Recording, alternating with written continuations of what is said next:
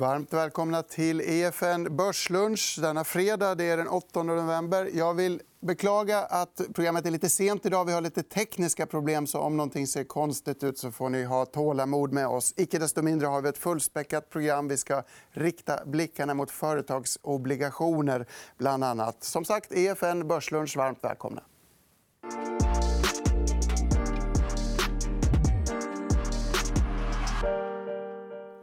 Väldigt mycket att prata om idag. I nyhetsflödet noterar vi att Anna Breman träder in i Riksbanken. Det ska vi återkomma till strax. På börsen noterar vi att SAS aktie lyfter efter en omvänd vinstvarning. Ericsson är i topp bland storbolagen efter en höjd analys. Men som sagt, fokus på räntor, företagskrediter och mycket annat. Varmt välkomna Helena Lindahl på Storebrand och Peter Verleus på Norron. Tack så mycket. Kul att ha er här. Tack.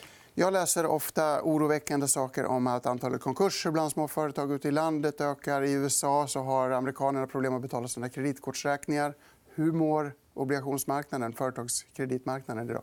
Nej, men bra, tack. Tack för att du frågar. Nej, men, eh, visst kan man eh, liksom alltid plocka upp de här negativa nyheterna. Och det, är, det är sant att konkurserna har ökat i Sverige. Och I oktober så var det någon form av ja, mikrotoppning i antalet konkurser. Men man kan konstatera att det här är inga stora bolag. Det är ganska små bolag och de hör hemma oftast i byggsektorn. Mm. En, liksom, de mindre bolagen i byggsektorn som tar stryk nu efter vi har haft en kräftgång med bostadsbyggande.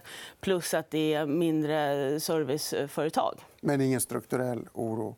Nej. Om vi snackar krediter så är det en viktig komponent i Klarna. Ett håsat mm. bolag som inte är börsnoterat, men det finns eh, på obligationsmarknaden. Absolut. Vad kan man säga om Klarnas eh, bond? Nej, men Klarnas bond de har funnits på bondmarknaden ett par år. Och, eh, man kan säga att Klarnas tillväxt är ju fantastisk. Och, eh, den ägarsupporten och de eh, som kommer in och vill ta del av Klarnas tillväxt är ju många och starka. Eh, så att det, är inget, det är ju fantastiskt. Och deras affärsmodell att de, som de gör, som verkligen bankerna skulle kunna göra men inte har kommit till att göra är ju väldigt bra. Men det som är i plumpen i protokollet är tycker jag, att kreditförlusterna växer ju nästan fortare än den överordnade tillväxten vilket gör att deras eh, lönsamhet pressas av bland annat då kreditförluster och investeringar. Så att eh, kreditmässigt så är de snarare stabila till kanske lite negativt de sista åren om du frågar mig. Intressant. Stark tillväxt men en plump i protokollet i form av kreditförluster. Eh, Hörrni, vi ska prata mycket mer räntemarknad snart. Men jag vill ändå nämna aktiemarknaden i form av de många rapporter vi har fått idag. Vi har en bild på dem där vi ser att Eh, Humana har gått väldigt starkt. Eh, ekonomen rasade. Vi tittar på vår favoritaktie Mips som vi har håsat i programmet många gånger. rasade enormt mycket på morgonen i den tidiga handeln men har sedan hämtat sig. Dagens vinnare är dock Sinch, tidigare CLX, upp nästan 10% på rapport. Och det för oss åter in i obligationsvärlden. För Sinch är på väg ut, om jag inte har fel. Absolut. Eh, vi blev precis annonserat idag, jag tror antagligen i samband med rapporten att de ska eh, göra en företagsobligation, 750 miljoner och eh, det ska bli väldigt spännande. Vi gillar ju eh, att börsbolag gör obligationer på grund av transparens, redovisning och andra så säga, governance-frågor. Så det ska bli väldigt spännande att titta närmare på eh, Sinchnet nästa vecka. Intressant. Håller du med? Är det så att om det redan är börsnoterat är jobbet redan gjort? Då? Det blir lättare att göra... Absolut inte. Utan det är då jobbet börjar. Nej, men det, vi välkomnar såklart att det kommer fler företag till, till marknaden. Och, eh, Sinch är den senaste raden i, i, av företag då som, som växlar från bankfinansiering, eller enbart bankfinansiering till att också utnyttja marknadsfinansieringar i form av obligationer. Mm. Så ett större univers är net, net väldigt bra för oss. Jättebra. Jag glömde bort att nämna en aktie som jag ska säga snabbt. Bara. Stillfront, eh, spelbolaget, kom med rapport. Och eh, THQ eh, Peer är väldigt omtalad förstås i dagarna eftersom den sänks av en analys. Vi ska snacka om det bolaget, de två bolagen i en separat intervju senare i eftermiddag här på efn.se. Så kolla in det. Åter till vårt universum. Du har med dig en övergripande graf mm. som du nästan får guida oss igenom. Ja. Det handlar om kreditspreadar i investment grade-obligationer. Just det. Och för att vara tydlig, kreditspread är det extra påslaget eh, man får gentemot statsobligationer för att täcka av den konkursrisk som finns. Mm. Och det vill jag säga, den övre grafen är de amerikanska investment grade spreadar. Det är alltså väldigt stabila bolag som, som har det här. Och sen har vi då den gröna är då, eh, Euroland och sen har vi den blåa är den eh, svenska. Då. Och där ser vi väldigt tydligt att centralbankerna, bland annat ECB-fronten, har pressat ner kreditspreadarna. För det är väl inte så att makro i Europa ser fantastiskt ut. Mm. Så jag menar, det är kanske så att de europeiska skulle ligga egentligen 50 till 50 punkter högre. Eh, fundamentalt. Extra tydligt. Man vill, man vill ner på den här kurvan. Ja, då, ju, lägre, ju lägre kurva du har, desto billigare blir pengarna. Mm. så att säga. Och ju högre du upp, desto dyrare är pengarna. Eh, jag tycker att om man tittar på den, om vi går tillbaka till den här grafen, mm. så kan man konstatera den är väldigt lång i tiden. Men om vi tittar isolerat på det här året så mm. har vi ett fantastiskt kreditår bakom oss när, när eh, kreditspreaden gick upp väldigt kraftigt under Q3 förra året och sen har de i princip vänt neråt. På vår sida att, av Atlanten pratar vi då? Eller? Ja, ja. Och, och vad, vad, man kan konstatera är liksom att även för, och detsamma gäller ju aktiemarknaden. Vi har ett fantastiskt eh, aktieår bakom mm. oss med globala börser på 30-35 Så att även om kreditmarknaden har gått starkt så finns det ändå anledning att fortsätta vara optimistisk och att man eh, kan använda kredit eh, eller företagsobligationsfonder som liksom att ta ner risken i den totala portföljen. Så att det, vi ser fortsatt Eh, positivt. Goda tider. Ja, goda tider. Och vi ser liksom inte att vi får en sån här eh, tvärvändning uppåt med, med alla de eh, ja, som är annonserat. Jag skulle gärna säga att eh, en annan aspekt. Dels hade vi, det var ju, eh, kreditmarknaden väldigt svaga 2018.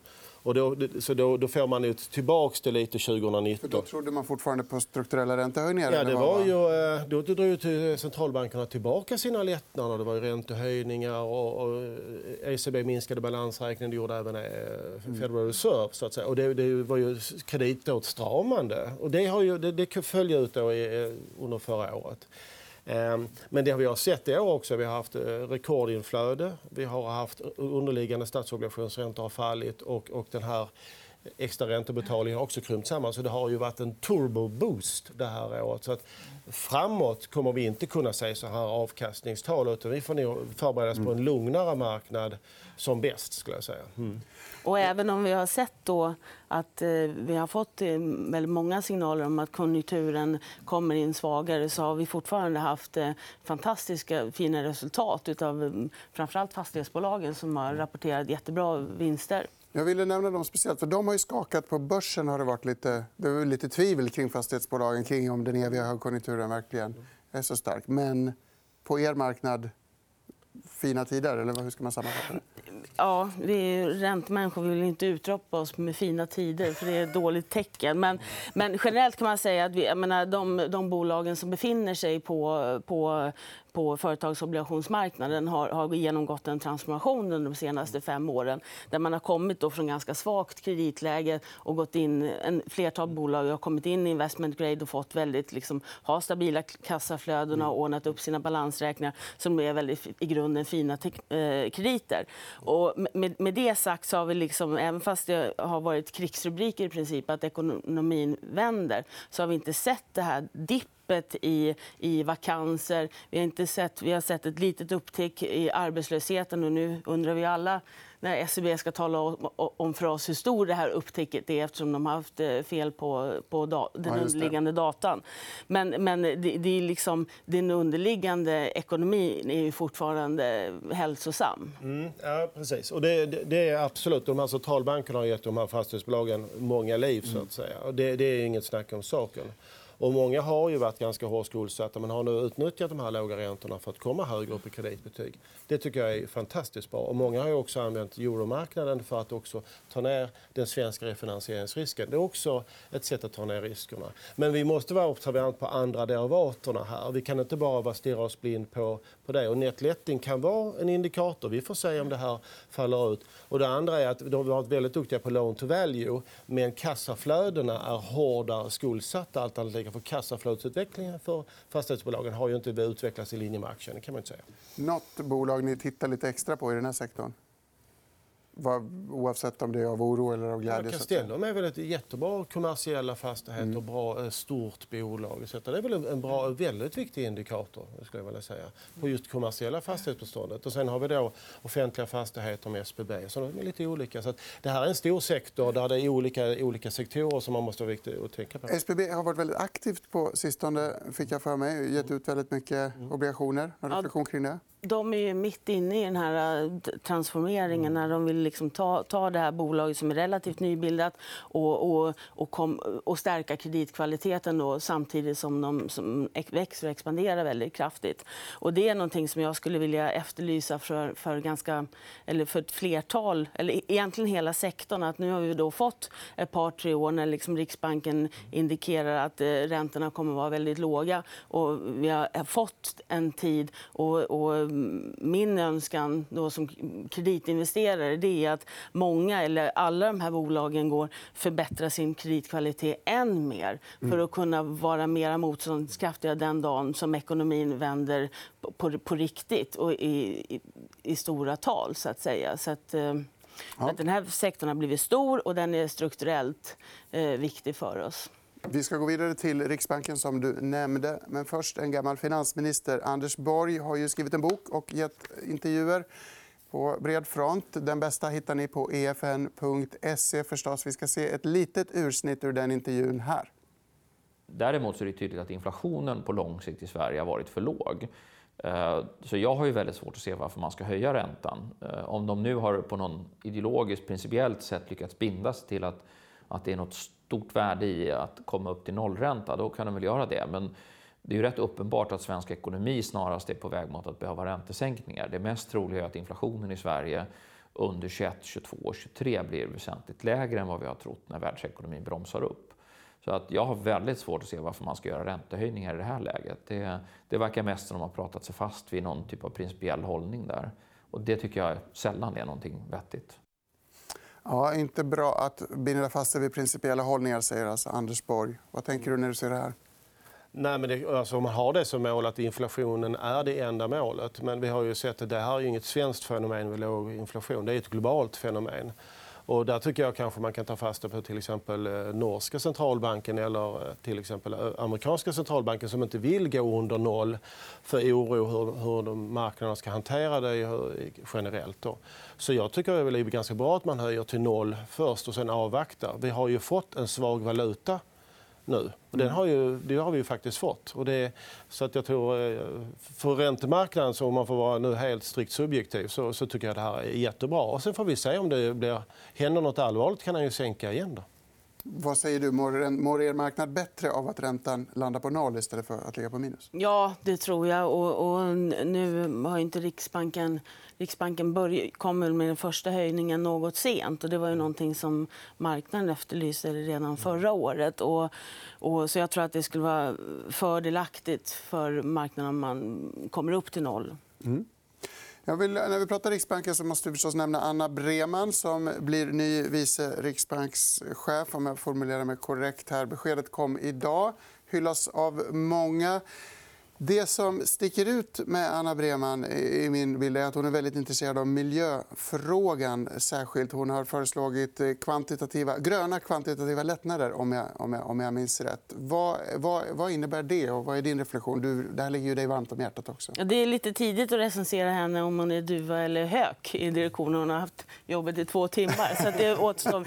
Men Anna har ju utmärkt sig genom att ha skrivit rätt mycket om att centralbankerna bör ta en eh, aktiv aktivare del i den transformationen mot mer hållbara finanser som, som vi alla är inne i. Och hon har eh, ganska öppet kritiserat Riksbanken för att man har tagit allt för lite, lite åtgärder. Och om man jämför dem till exempel med Bank of England som har varit väldigt proaktiva och lagt mycket resurser på forskning. De har varit mm. väldigt eh, bidragsgivande så att säga, i, i, i, eh, för att vi ska få en bättre Eh, databanken, bättre financial disclosure och hur bolagen ska kunna beskriva sig att hur de är compliant med, med Parisavtalet. Och, och där tycker jag hon faktiskt har helt rätt. Att, att, men om, om, om vi nu sitter in, liksom, om, om vi som investerare ska förändra oss och ta, mera, ta höjd för, våra, för klimatrisker i våra portföljer så måste vi också få en hjälp. Så att lite mer bidrag på forskningen är väl mm. Mm. Ett bra inslag. Och sen de här kvantita gröna kvantitativa lättnader. Inte, själva aktiviteten med gröna obligationer var ju att förflytta att, att privat kapital ska investeras i klimatomställningen. Så att jag vet inte om, om jag är jättesugen på att tävla med centralbanker och köpa gröna obligationer. Men det borde väl få prispåverkan om centralbanken skulle börja köpa gröna obligationer? Så... Just det. Ja, det, blir, det, blir ju, det blir en subvention för de, för de eh, bolagen mm. som kan emittera det här. Och då, då är det säkert, liksom, kommer det, men det kanske inte är säkert att inkorporera den risken som finns. Alltså, gröna investeringar kan också vara riskfyllda investeringar. Så det kommer ju driva ett, ett flockbeteende för att attrahera de här billiga pengarna. Mm. Det kommer det göra. Och det, det får man ju vara observant på. Vi har ett par grafer kvar och vi kommer stanna inom det gröna området. Men först är det en som rör emissioner av företagsobligationer eh, på det stora hela. Den ser ut så här. 2019 är gult prickigt. Det ser väldigt starkt ut. Det är er marknad som vi har varit inne på är frodas. Intresset är stort? Eller? Mm. Ja, dels, eh, vi börjar prata med det. Att dels så tillkommer det nya bolag som, som byter ut eh, bankfinansiering mot eh, marknadsfinansiering. Så det är en, en del, del av den här bilden. Men sen är det också så att... Man, vi har redan pratat om fastighetsbolagen. att man faktiskt i absoluta tal ökar sin, sin skuldsättning. Så att, eh, det här visar bara emissioner av företagsobligationer men vi slår ju rekord i Sverige och mm. Europa och lite överallt nu genom att man, mm. man eh, eh Eh, emitterar väldigt mycket. Ja, I skrivande stund är det ju, jag tror inte jag har varit med om en sån här frenesi just nu. Det är klart att de här bankerna som vill arrangera obligationer har väntat på den 1 november när ECB ska köpa för 20 miljarder euro i månaden. Så att det är klart att det är en, en viss, eh, mycket, mycket aktivitet just nu, får man ju lugnt säga. Man kan också konstatera att marknaden är tillräckligt stark för att absorbera de här mm. volymerna ja, som kommer ut. Vi har en graf kvar eh, som rör just gröna obligationer. Det känns extra aktuellt en dag som denna när vi har fått en lite grönare riksbank. Samma sak där. Intresset är jättestort och bara växer. Eller vad ska man säga?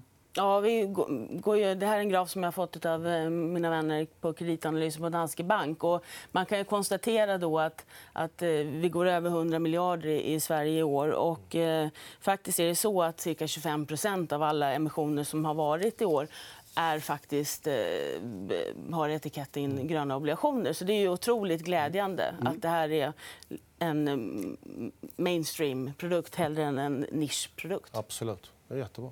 Tummen upp för det. Tack så mycket för att ni kom hit. och Trevlig helg, alla tittare. Hoppas att det inte var för mycket fladder. Jag tror Anders Borg fladdrade någonstans i programmet där han inte skulle ha varit. Det gör inget. Livet går vidare. Nu är det helg. Vi ses på måndag 11.45 som vanligt. Ha det gott.